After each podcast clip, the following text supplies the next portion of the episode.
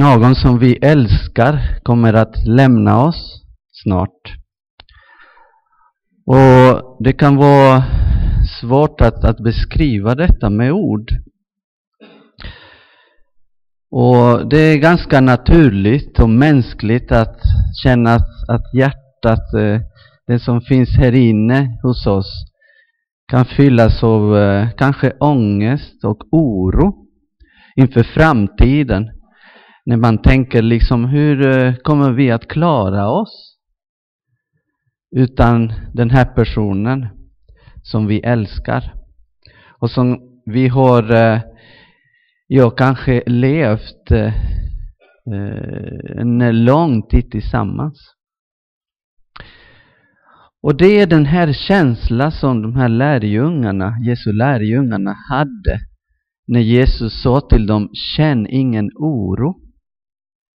Tro på Gud och tro på mig. Jesus hade sagt flera gånger att han skulle lämna dem.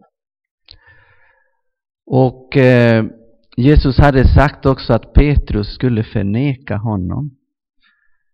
Och eh, till och med de visste att en av dem skulle, eh, skulle också förråda Jesus. Så eh, verkligen tror jag de här lärjungarna kände liksom att jag, vad är det som kommer att ske nu? Jesus säger nu att han kommer att lämna oss. Och eh, jag tror att eh, den här känslan tror jag att vi, vi, vi delar det på olika sätt. Kanske vi har erfarit redan det när en, eh, en, en vän eller en familjemedlem har lämnat oss. Den här känslan av tomhet och, och oro inför framtiden. Men det är samma ord som också Jesus upprepar till oss idag när han säger känn ingen oro. Och han vet i vilken situation du befinner dig, du befinner dig just nu. Det kan vara liksom inför en, eh, ett jobb, inför framtiden. Det kan vara studier, situation i skolan. Och som kanske tar mycket av din tid. Att du tänker på det och att du känner i ditt hjärta den här oro och ångest. Och Jesus säger, känn ingen oro, inte för att han bara säger det. Utan han fortsätter och han säger så här, tro på Gud och tro på mig. Och det här fallet när Jesus sa de här orden, han också sa så här att ja, det är sant, jag kommer att lämna er. Men jag måste gå härifrån för jag ska bereda en plats för er. Och när vi tänker på eh, nära och kära igen och, och vänner som har lämnat oss och som har haft en stark tro på Gud och på Jesus. Trots att det känns tomt i hjärtat, ändå vet vi att de här människorna finns nu hos Gud för att Jesus har berett en plats för dem. Och trots eh, smärta och trots att vi känner oss ledsna ändå vet vi att de finns på en bättre plats. De finns hos Gud. Och han säger också, Jesus, att vi ska verkligen överlämna vår oro till honom. För han tar hand om oss. Han vill verkligen ta hand om oss, om vår situation och, och han förstår hur vi känner, hur vi mår. Och i den här texten vi läste då, då säger Jesus också tre eh, meningar som är väldigt viktig och som, viktiga och som kännetecknar vem han är. Han säger så här, ja, ni är förvirrade just nu. Ni vet inte kanske var ni ska ta vägen för att ett hjärta fyllt av oro. Men, säger Jesus, jag är vägen, jag är sanningen och jag är livet. Det, Jesus säger inte bara det här att jag, jag ska visa er vägen, eller jag ska visa er sanningen, eller jag ska visa er vad livet är. Utan Jesus säger jag är. Alltså han säger om, om ni är nära mig, om ni öppnar ert hjärta för mig, då ska jag visa er vägen. Och då ska ni veta vad sanningen är och sanningen kommer att göra er fria. Och jag ska också visa er vad livet är. Inte bara det här livet liksom efter döden, utan livet här just nu. För Jesus säger, jag har kommit för att ni ska ha liv och ni ska ha liv i överflöd.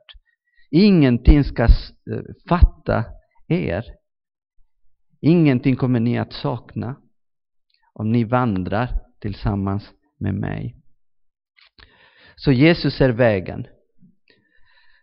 Och han är vägen och han vill också visa vägen för oss. Ni vet, och jag sa också till konfirmanderna i, förra helgen när vi var, vi var på Shalom. Det här att vi, vi måste alltså göra många beslut i vårt liv.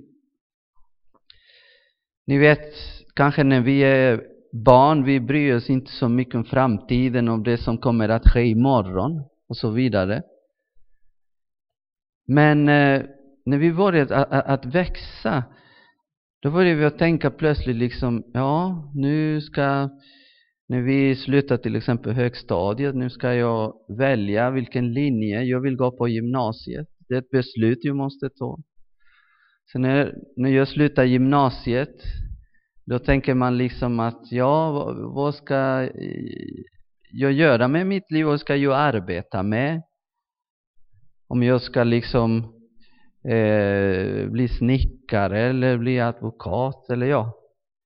Det är också ett beslut.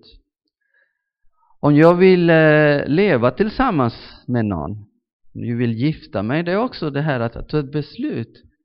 Tänka liksom, ja, ska jag ta det här, är den här personen den rätta för mig? Då är också ett beslut. Ibland besluten också kan vara så här att ja, vi tänker, ah, kanske jag ska inte bo hela mitt liv i Smålandstenar. Eller jag ska bo hela mitt liv i Smålandstenar. Några väljer att flytta någon annanstans. Andra stannar hela sitt liv här. Det är ett beslut som man tar. Men för mig det viktigaste beslutet som finns här i den här, det här livet vi lever här på jorden är om eh, om vi vill öppna vårt hjärta för Jesus. Om han säger att han är vägen, att han är sanningen och att han är livet och att det inte finns någon annan väg, det finns inte en annan sanning. Då det här blir så livsavgörande för varje människa. Om vi verkligen tar på allvar Jesu ord, att han är vägen, sanningen och livet, då betyder det att det här beslutet att ta emot honom är verkligen livsviktigt för mig. Och det är, det är inför det som vi står idag. Om, om vi vill öppna vårt hjärta och säga Ja Jesus, jag vill tro på dig. Jag tror på dina ord. Jag tror att, att du dog för mig, att du gav ditt liv för mig. Och kanske om jag inte vågar tro ändå och säger Herre, jag vill tro. Jag önskar att jag skulle vilja tro på dig. Och eh, Jesus har lovat ju att vara med oss också varje dag. Vi är inte ensamma på något sätt under det här livet här på jorden. Under alla strapatser vi måste gå igenom. Ni vet att livet är inte spikrak alla gånger. Men ändå, vi, vi tror på en Gud i Jesus Kristus som vi sjunger ibland i, i trosbekännelsen, som gråter med mig, som ler med mig, som vandrar med mig, som känner varje detalj i mitt liv. Och då kan jag verkligen lita och tro på honom, att han verkligen kommer att ta hand om mig och hjälpa mig. Så vi står inför den här sanningen som är Jesus. Och han själv liksom finns här och han vill möta oss var och en. I den situationen som du är, som du befinner dig just nu. Vi vet att vårt värld är fylld av oro på många sätt. Människor som flyr för sina liv.